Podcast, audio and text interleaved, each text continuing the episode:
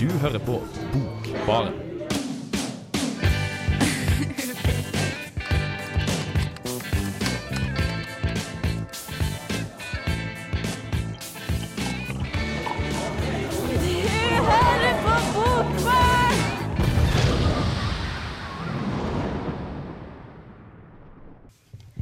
Da tror jeg kanskje at eh, vi er i gang igjen.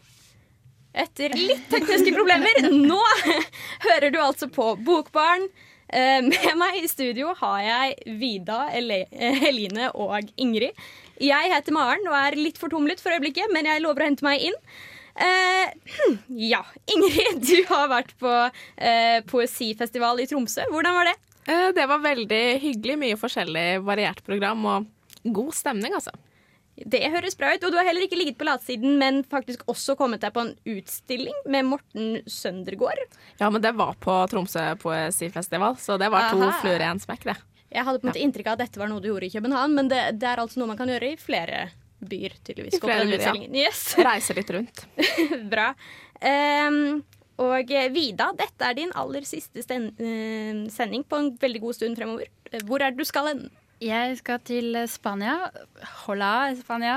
I tilfelle dere hører på meg nå. Snart kommer jeg. Bra. Uh, ja. Men jeg kommer tilbake neste semester, da. Det lover jeg. Det er fint. Vi gleder oss til å få deg tilbake. Hvilken bok har du med deg i dag? Jeg har med meg 'Jarden' av Christian Lundberg. En roman er det i dag. Jøss. Det er et lite avvik fra din eh, vante poesigang, er det ikke det? Nei, det er egentlig ikke det. Det er bare det at jeg tuller med at det hele tiden har Ah. eh, lyrikk med meg. Og så har jeg egentlig bare hatt romaner hele dette semesteret, tror jeg. Men eh, det er i hvert fall en roman helt ifra Sverige. Så det blir bra. Ja, det høres fint ut. Og eh, Eline, hva har du tatt med deg i dag? Eh, Jeg har tatt med meg litteraturnyheter igjen, og så tenkte jeg at vi skulle ha en liten sånn smakebit på eh, Ellen Grimsmo Foros sin diktsamling 'Åkeren'. Og jeg er også litt forvirra i dag. Det er mye som eh, ikke kanskje går helt på skinner. fordi jeg trodde at vi hadde en sånn ren diktsending, så jeg har drevet også og skrevet det på Facebook, da, men det har vi da ikke. Vida, har, Vida som et lite utskudd i dag, har med roman. Men jeg har skrevet 'ohoi'. Vi skal også snakke om en roman. Ja, eh, alt er generelt litt opp ned og litt på halv åtte i dag. Men frykt ikke, vi tar oss opp. Dette blir bra. Eh, hør på videre etter Nothing Arrived med Villagers.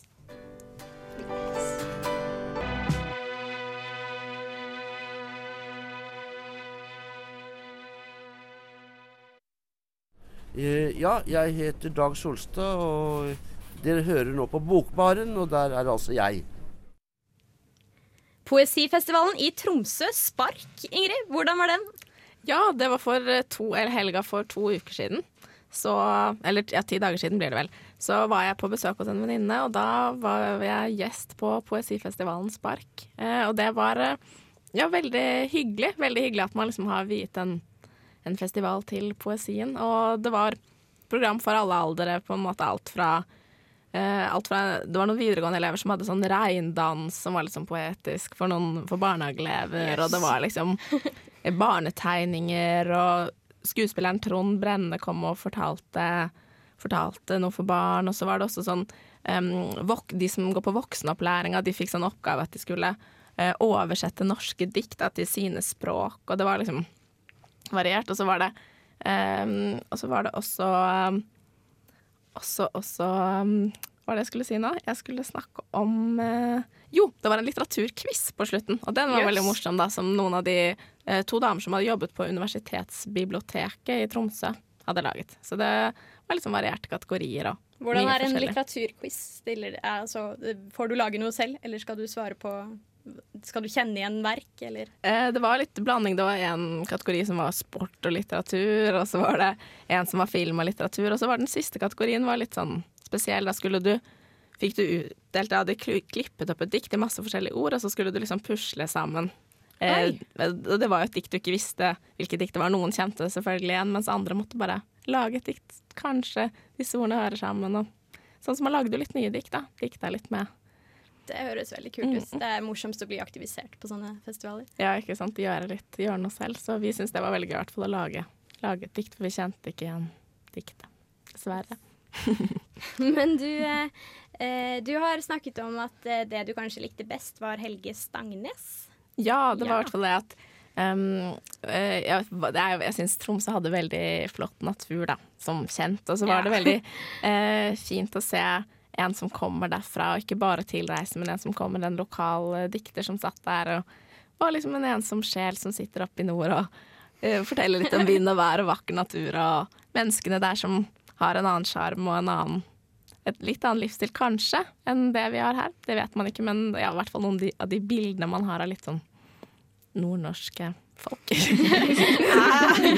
Du var veldig forsiktig nå. ja, jeg, så veldig, jeg sa bare på en positiv måte bare sånn um, søte, gamle menn som sitter og røyker litt pipe i en husvegg og bare sånn noen fine bilder, men selvfølgelig så er det vanlig. Van, ikke vanlig, men selvfølgelig er det bare, bare Ro, ro, bare by, byfolk der også. Jeg syns det var en veldig hyggelig by å være i, og jeg syns at ja, det er jo ulike mennesker i ulike byer, og ja, alt det der. Yes. Skal vi høre litt på din eh, reportasje om den autentiske Senja-dikteren Helge Stangnes? Det kan vi gjøre. Ja. Tromsø poesifestival Spark gikk av stabelen for andre gang. Den sparket i ulike retninger. Internasjonale og tilreisende poeter til tross. Jeg bet meg faktisk mest merke i en lokal godbit. Helge Stangnes fra Tranøy på Sør-Senja har utgitt flere diktsamlinger. Og med hovedfag i senjaspråket kan vel få fortelle oss sannheten om Nord-Norge på en bedre måte.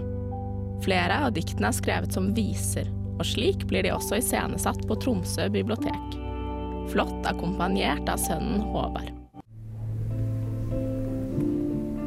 Hva er det som får tida til å stanse, så varmen din kan kjennes nær og nå?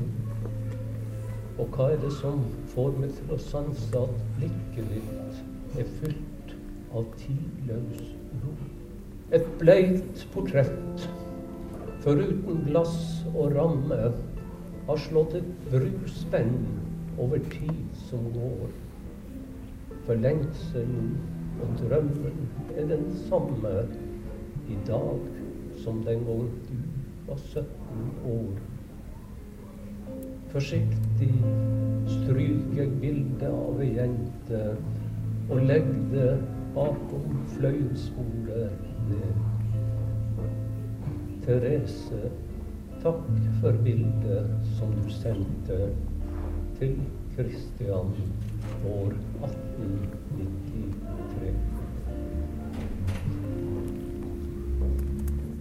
Stangnes er en beskjeden, eldre mann, men leste en rekke dikt. Han flettet dem sammen med sine personlige og mer generelle kommentarer. Mange er hentet fra diktsamlingen Frø i vind fra 2005. Og tittelen alene forteller mye om hva slags tematikk vi har i vente. Stangnes gir naturen liv. Han spiller på den klassiske strengen og møtet mellom menneske og natur, og hvordan veien inn til menneskets indre sjelsliv ofte foregår med naturen som bakteppe og hjelpemiddel. Likevel er Stangnes en original fortellerstemme, der besjeling og personifisering av naturen skjer på en humoristisk, enkel og svært folkelig måte.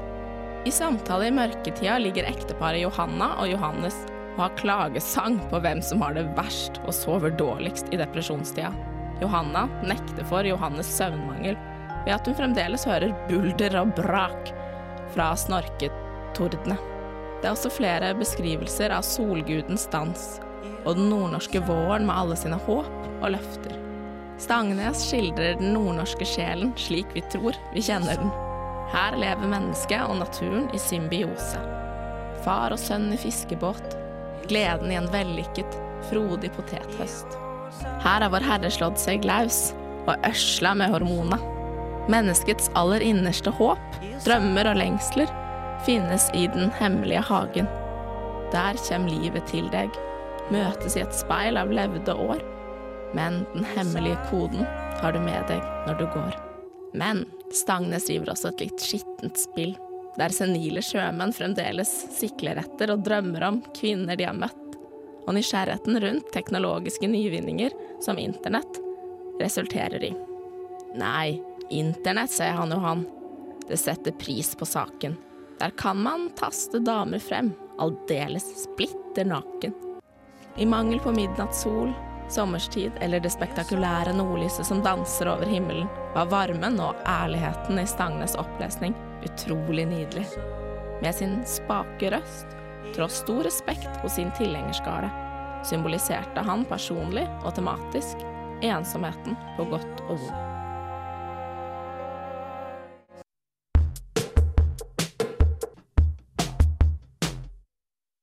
Det var Brolin med Reykjavik. Og før det hørte du Ingrids reportasje om Helge Stangnes på poesifestivalen Spark i Tromsø. Men eh, Ingrid, du har eh, mer. Du har jo vært på utstillingen på denne festivalen.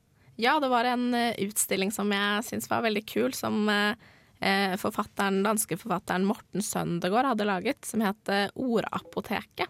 Hvor det rett og slett var et apotek, da, hvor ti forskjellige, eh, ti forskjellige ordklasser eh, ble presentert, da, med bruksanvisning på hvordan man skal bruke dem, og doseringen og bivirkninger, og litt sånn humoristisk vri, da. Akkurat som et vanlig apotek. Jøss, altså du har vondt i hodet her, ta disse verbene, så går det nok over? Ja, eh, og det sto sånn for eksempel på etiketten til, eh, til verb, da, så står det sånn Står det hvor mange 224 stykker, og så står det utropsord.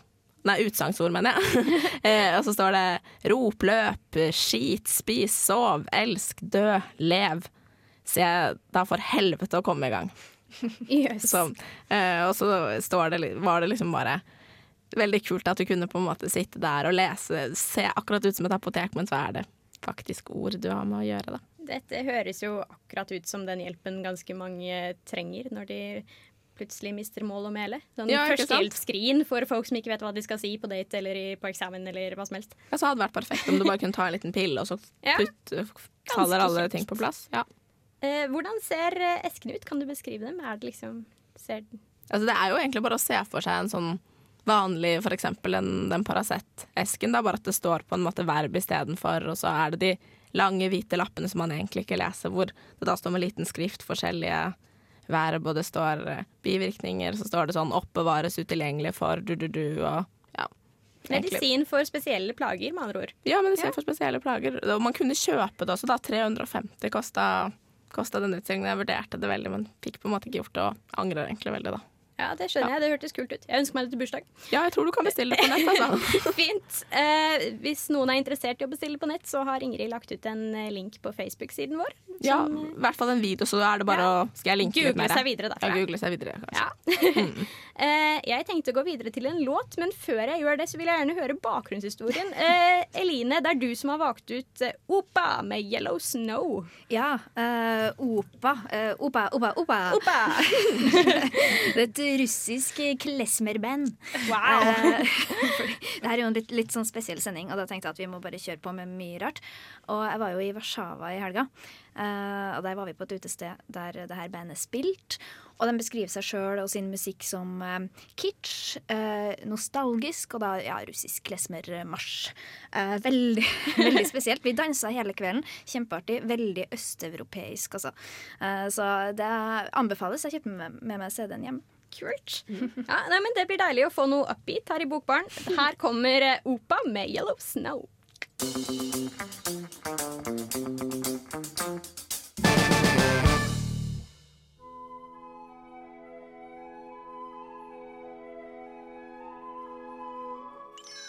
Ukas dikt. Nummer sju. Et sted jeg veit om, har jeg lagt korn i jorda istedenfor i munnen. Fisken slo med spora mens jeg gjorde det, rådyret trampa med hoven mens jeg gjorde det, du spilte sæd mens jeg gjorde det. Dyr kan ikke vente, men planter kan vente, også på de utålmodige. Forrige måned sprang vi gjennom sprikende glenner. Var jeg høyt når du var lavt, kalte du bedre på meg enn du kjente meg, men nå leker hår med hud og trekkes mot leie. Fred, drikke, mat, seng er her og her og her. Brytes ikke ned til hvor som helst, men forplanter seg til overalt. Tunge marker velter seg gjennom skinnet. Barken din suger frøene ut av meg, sola mi slikker gullet ut av øynene dine. Nummer 14. Er vi gyllen slik vi går ut i åkerens sverte, den mjuke senga vinden skal forme av spisse, gule aks? Alt som ikke er her, peker på skjødet mitt, du hekter månen fast i meg to ganger, først som tynne, slitesterke rop. Kjønna arbeid. Kjenner ingen så som hoste bak vinduet som snitter deg og plogen ut av det bukla ferden. Sæden buer seg i lufta, synker i den mørke fura og er offer for lykke, er følelser fakta, er åkeren av deg og meg fordi den spiser av oss. Ukas dikt er altså hentet fra diktsamlingen Åkeren av Ellen Grimsmo Forås. Eh, og Eline, vi var jo hørte på henne på opplesningen hennes på Antikvariatet. Ja, det stemmer. Hun var jo eh, veldig nervøs, da. Eh, hun var jo debutant, eh, var ikke det? Det, ja. Ja, jo. Eh, men eh, veldig flink til å lese opp. Og, eh, og sto jo der ganske lenge og leste opp fra dik diktsamlinga. Og det var veldig fint å høre på, altså. Ja, jeg syns hun var veldig flink til å fortelle litt om hva som var tanken bak diktsamlingen, og på en måte gi oss litt anledning til å skjønne hva det var hun egentlig pratet om. Mm. Ja, for hun har jo vokst opp på gård sjøl, og eh, hadde jo på en måte mye ba ja, veldig engasjert i natur. Da. Jeg tror hun sa noe om at hun var med i Natur og Ungdom. Det kan hende at hun husker Ja, helt. Ja, Absolutt. Ja. Jeg husker at hun sa Ja, det. ja, og var veldig, veldig inn der, da. Så, eh, sånn som hun sa, at uh, en åker var veldig sånn fin metafor. Da. Sånn grobunn for ideer. Så eh, det er mye, mye som hun kunne Man kan dikte mye ut av en åker. Liksom. Ja. Nei, men det, vi får høre mer om eh, åkeren eh, ved en senere anledning. Det skal vi. Vi skal ta for oss denne boka litt eh, nøyere senere. Nemlig. Nå skal vi videre til en bok som Vida har lest, nemlig 'Jarden' av Christian Lundberg. Det er en roman som er utgitt på Flamme forlag i 2009. Eh, Men først så får dere Mona og Maria med 'Silent Summer'.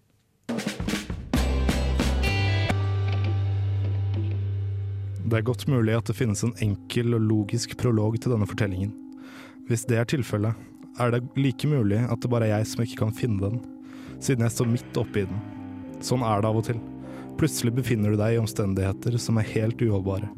Og etter en stund har du vent deg til det umulige, til det håpløse. Du er et menneske, og du prøver å overleve. Du bruker alfabetet. Du lengter bort eller hjem, det spiller egentlig ikke noen rolle. Du blir knust av deg selv, av valgene du tar og til bortkommenheten. Du er på vei og vet at du ikke skal noen steder. En litt uavklart hendelse og et plutselig gjeldskrav fra staten gjør at eh, Christian Lundberg, som før har øst ut lyrikksamlinger og anmeldelser som forfatter, må tjene penger innenfor rammer som er langt vekk fra en behagelig middelklassehverdag.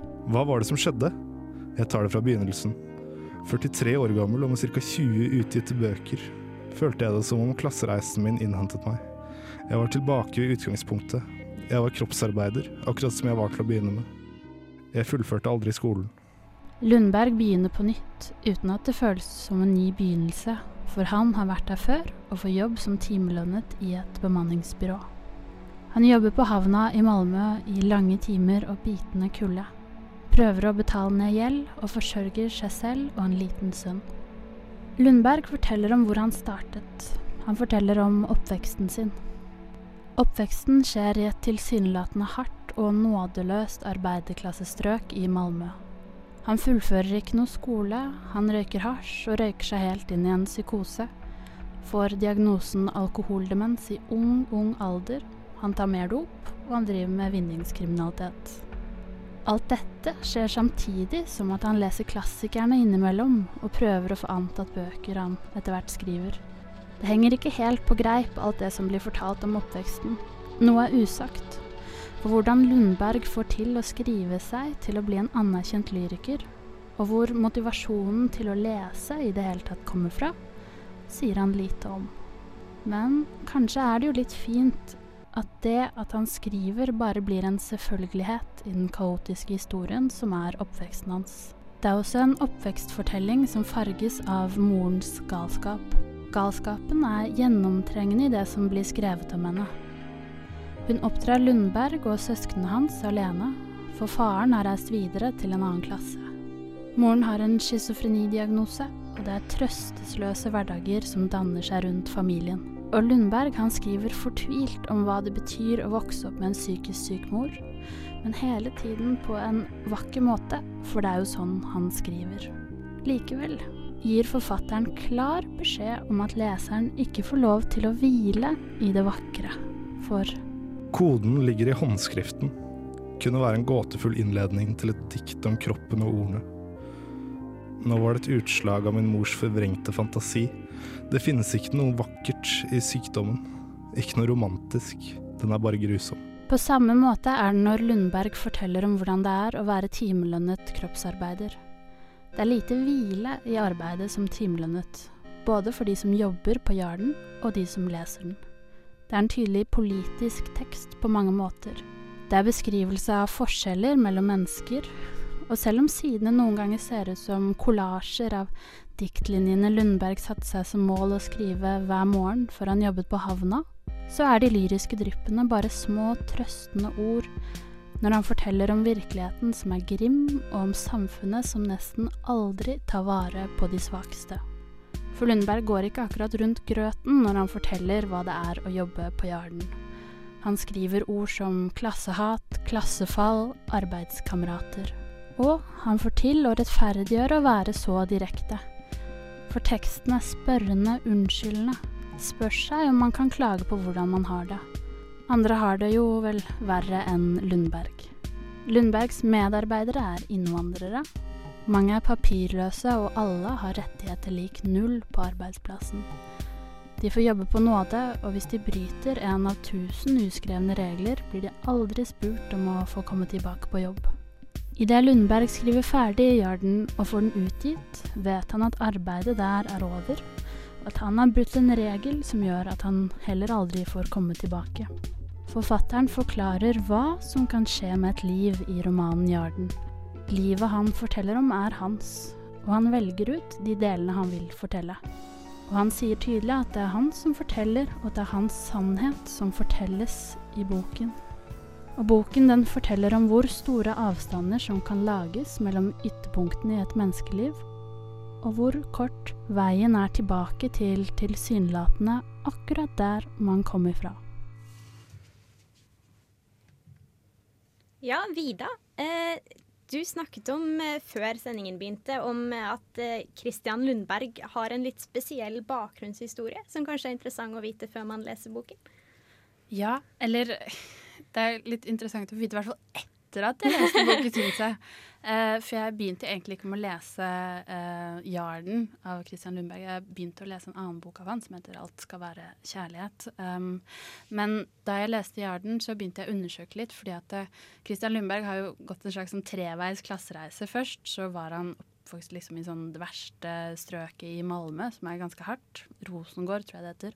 Og så kom han seg opp og ble liksom hyllet eh, lyriker og, og litteraturanmelder og hadde liksom eh, alt det man eh, har lyst på i hele verden, i hvert fall det han ønsket seg i hele oppveksten. Og så falt han ned igjen. Men det som er at eh, selv om disse bøkene handler om det, så sier de aldri hvorfor det skjedde. Hva var det egentlig som skjedde? Det må jo ha vært et eller annet som gjorde at ingen gadd å snakke med han lenger. Ja, Så sosialpornografen i deg valgte å google frem hva som egentlig gikk galt? Nei, plutselig det, jeg bare ramlet over det på en svensk nettside. Eh, ja. Nei, det, det viser seg at det han har gjort, er å, å, å liksom totalslakte en, en roman, en dekkare, det er et veldig fint ord, eh, som, som ikke hadde kommet ut ennå. Som han da antageligvis hadde lest, eller det er litt uklart akkurat det om han hadde, Hadde lest. sine forutdannelser om. Ja, sant. Eh, og etter det så ble han bare paret. ikke sant? Ingen ville snakke med han. Og så i tillegg så har han nok glemt å betale skatt. eh, fått noe gjeldskrav fra staten, da. Og det er det som er bakgrunnen for eh, at han skriver disse bøkene. Men det er jo ikke det de handler om. De handler jo om hvor jævlig han hadde det når han var der nede i det mørke Ja, arbeiderdypet. så det som hadde skjedd, det hadde på en måte skjedd, og det var irrelevant nå, på en måte. Ja, jeg tenkte Den eneste måten han kunne skrive den boken på, var å ikke sutre for mye Ja. om akkurat det som hadde skjedd, for da hadde han jo ikke klart å formidle eh, det han formidler på samme måte. Hvis han skulle vært bitter på eh, redaktøren sin, ikke sant, eller eh, ja, kjeftet på litteratursfære. Nei, det ville nok blitt en eh, litt annen bok, sannsynligvis. Jeg synes han er veldig flink som klarte ikke å gjøre det, da. Ja, det, man lurer jo på om han har skrevet det inn og så luket det vekk etterpå, kanskje ved f.eks. hjelp av forlegger, eller om dette er noe han har hatt klart for seg hele Det, tiden. det kan hende at, eh, at eh, det er det som eh, har skjedd. Ja. Jeg håper ikke det. Fordi jeg, jeg tror så på han. Jeg syns det er så bra. Jeg syns det er veldig bra. Jeg syns det er en, en kjempegod bok. Det er litt eh, interessant det her. Vi har sånn eh, arbeidersending i dag, i tillegg til nesten hel diktsending. Eh, fordi den her eh, åkeren handler jo også om om det å jobbe og, og arbeide på en gård i dette tilfellet, da. Men det er veldig forskjellig fra hvordan din bok virker, Vida. For du, det virker jo helt jævlig, den her arbeiderhverdagen som beskrives her. Mens um, Foros virkelig romantiserer det her gårdsbruket og naturen og, og, og hvilken eh, lykke da, som det finnes i arbeidet. Ja, sant, og det der er noe man kan meske seg i. Altså åkeren og kose seg med de der rike bildene med sæd og aks og jeg vet ikke hva. Men jeg syns det er så deilig å lese sånne bøker som Christian Lundberg skriver, for han har mesket seg i alle de der sentraliriske eh, sex- og kroppsvæsker og bare skrevet på en litt pen måte. Eh, men nå skriver han sånn derre ordentlig god realisme, men med de fine, fine setningene som er lyrikken han har skrevet før. Det er det som gjør eh, teksten så bra, da. Så istedenfor å ha erfaring og så skrive lyrikk om erfaringen, så har han faktisk lyrikken i bunn, og så kommer han ut og får leve gjennom denne Ja, lyrikken. jeg tenkte litt det. Han hadde jo erfaring helt i bunn også, som Ja. vi snakket om der, eh, den eh, helt ville ungdomstiden. Ja. Som jeg ikke skjønner hvordan det går an å skrive seg ut av, men det er jo det han har gjort. Og da blir det på en måte Det blir en veldig realistisk setning når han sier at hvordan skal jeg bruke alfabetet? Jo, jeg bruker det til å komme meg ut av, eh, av eh, hverdagen som hasjdealer, sant. Eh, Ja. Og så gjør han det faktisk. Det er imponerende. Ja, jeg Ja. syns Kristian Lundberg er en imponerende fyr. Ja. Men du sa du startet med 'Og alt skal være kjærlighet'. Ja, Eh, det gjorde jeg. Eh, det var jo, den kom jo etter Jarden. Ja. Og den handler om, eh, i hvert fall det var målet hans, var å fylle noen hull da i Jarden. Eh, noe som ikke ble forklart. Og da får du vite at det var jo kjærlighet her også, som, som manglet da i denne liksom harde arbeiderklassefortellingen. Og det er, Alt skal være kjærlighet det er en eh, veldig, veldig fin kjærlighetsfortelling som har noen av de samme sånn harde, slitsomme temaene i seg, men så er det også sånn skikkelig fine eh, partier hvor han snakker om ungdomskjæresten sin som han mistet, og som han møter igjen, da. Det virker generelt som eh, en ganske kompleks eh, boksamling han har der. Eh, men eh, nå tenker jeg å gå videre med Unknown Mortal Orchestra og From the Sun.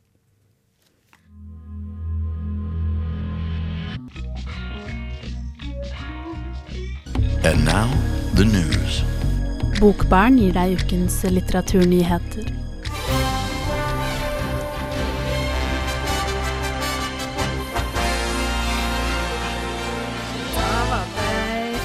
Litteraturnyheter.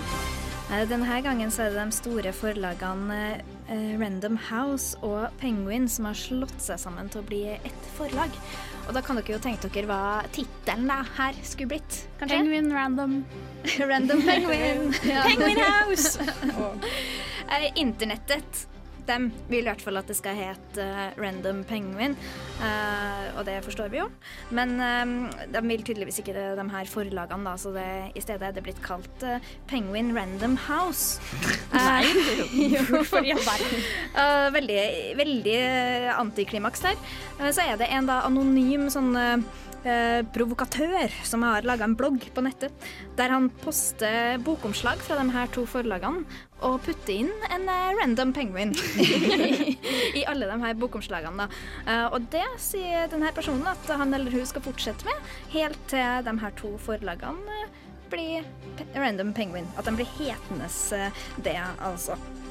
Videre så har vi også en eh, debutantprismottaker som heter noe så godt som Peter Franciscus Strasseger, faktisk. Han vant for navnet. Han vant for navnet. Ja, han vant for navnet. Uh, Tarjei Vesaas debutantpris i 2012, altså, med romanen 'Stasia'. Og det handler da om et søskenpar med en omreisende foreldre, som reiser dem da fra land til land. Og det her er veldig trasig for de her søskenpar, det søskenparet. og da finner de ut at de først blir lykkelige når de klarer å bedøve Sankt Peter med kloroform og snike seg inn i himmelrik.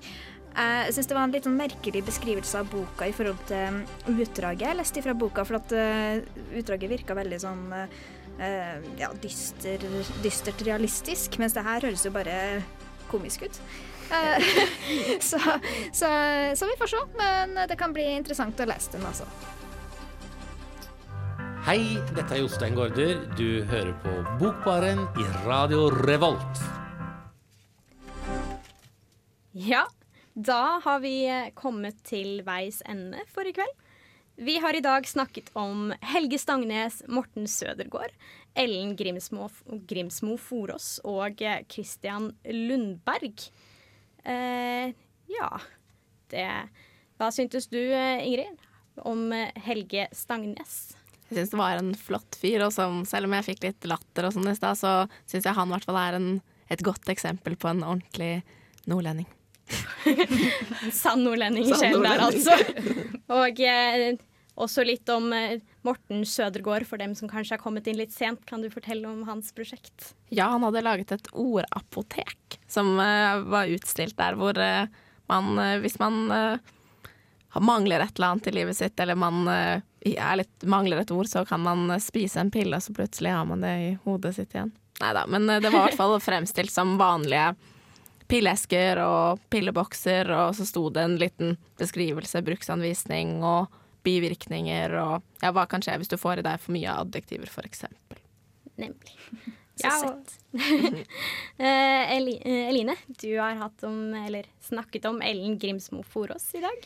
Ja, det ble jo veldig kort det her, da, for det er jo en, ei dame vi skal komme tilbake til seinere.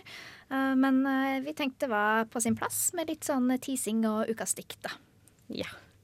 Og eh, Vida, din siste sending på kjempelenge. Ja, er du glad du fikk snakket om Christian Lundberg? Jeg er kjempeglad jeg fikk uh, snakket om han. Jeg kunne gjerne ha fortsatt kjempelenge å, å snakke om han. Han er jo svensk, elsker Sverige, og så kommer han fra samme bydel som Zlatan. Jeg er Zlatan, uh, som jeg også elsker, selv om jeg ikke helt vet akkurat hvem Zlatan er. vet bare at du elsker ham. Ja, Men jeg vet at uh, vi skal høre på litt mer svensk nå. Skal vi det? Det stemmer, det skal vi. For uh, til neste uke så har jeg nemlig planer om å snakke om Linn Strømsborg og hennes fantastiske bok 'Furuset'. Er den fantastisk? Altså? Den er fantastisk. Og hvorfor er den det? Uh, å, dette har vi ikke nok tid til. Er det fordi det handler om Kent? Vel, Kent er absolutt med, det må jeg si. Ja, det handler mye om Kent. Uh, Ingrid, hva skal du snakke om neste uke? Jeg ble litt nysgjerrig på Nordapotek-fyren, ja, så jeg tror jeg skal lese en diktsamling av han som han ble nominert til Nordisk råds litteraturpris for. Det høres bra ut. Eh, vi har også fått mail fra Martin. Han har sagt at han kommer innom for å snakke om 'Himmelens kamelføll' av Helena Guro. Eh, der beskrivelsen er 'russisk futurisme om furutrær og katter'. Mjau. Så det tror jeg kan bli bra.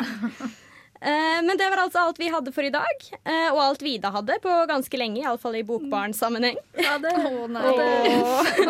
vi kommer til å savne deg. Ja, jeg kommer til å savne dere òg. Eh, jeg heter Maren Elise Skolem, og med meg har jeg altså hatt Ingrid Kveim Skarholt, Eline Bjerkan og Vida Sundset Brenna. Tekniker har vært vår kjære Hildegunn Kristiansen. Og eh, følg oss gjerne på Twitter eller lik oss på Facebook. Last ned podkast på dusken.no and all that jazz. Du hørte på Bokbaren på Radio Revolt, og her er Kent med 'Ingenting'.